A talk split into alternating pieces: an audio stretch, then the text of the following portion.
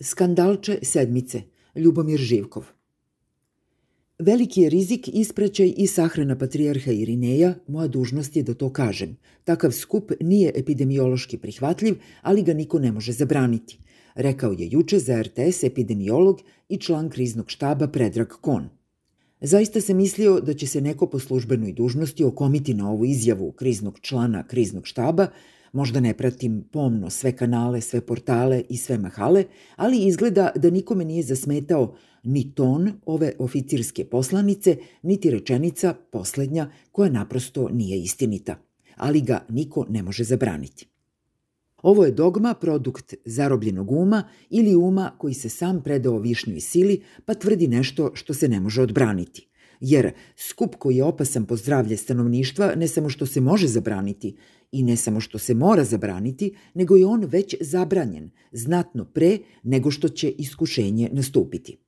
Reći kao lekar ili kao oficir da nije moguće nešto što je moguće, da neće biti učinjeno ono što je neophodno i što je već zapoveđeno, može samo neko ko je pred autoritetom, jedinim u našem ponositom kosmosu, ropko pognuo sedu glavu da je predsednik Republike, u čijoj su nadležnosti život i bolest i smrt, hteo da podsjeti na nedopustivost skupa epidemiološki neprihvatljivog, to bi blagovremeno obznanio, ali ako sve prisutni i svemogući nije zabranio rizično okupljanje, potpukovnik zaključuje, verujući da smo i svi mi sa tim pomireni, da to niko ne može da zabrani ali masovan skup i ceremonija u kojoj će se ožalošćeni tiskati jedni uz druge i gde će celivati staklo nad pokojnikom već je zabranjen. Njega ne treba niko iznova da zabranjuje.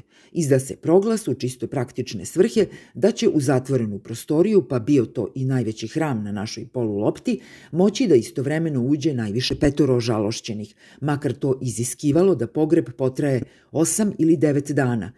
Takođe se oko kovčega morao napraviti umalo ne rekoh sanitarni kordon, da, zašto ne, sanitarni kordon. Niko ne sme da prekorači niti da otkine traku, u bojama naše zastave neka bude ako je svečanije i ne može se približiti kovčegu na manje od 2 metra. Najpobožniji bi v takom slučaju celivali traku, ali možda i ne bi.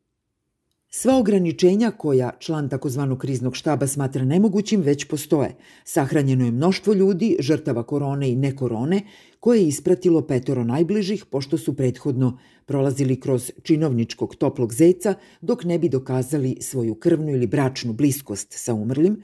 Dobro to je važilo dok je bilo vanredno stanje, ali kada je bilo vanredno blagostanje, to jest kad su bili izbori, onda je bilo dopušteno i poželjno što masovnije okupljanje – Međutim, ako su se stvari nakon praznika demokratije pogoršale, a gore su nego kad je nelegalno proglašavano vanredno stanje, onda su već postojeća pravila o neokupljanju u zatvorenom prostoru i o izbegavanju dodira, kako među ožalošćenima, tako i sa mrtvačkim sandukom, morala biti primenjena.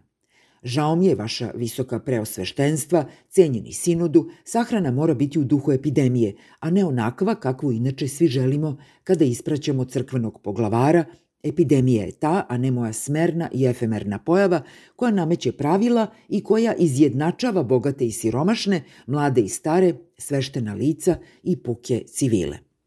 Nisam bio u Lenjinovom mauzoleju, iako sam 70. godina bio u horu koji je imao prednost nad sovjetskim građanima i nad tada ne baš mnogobrojnim turistima.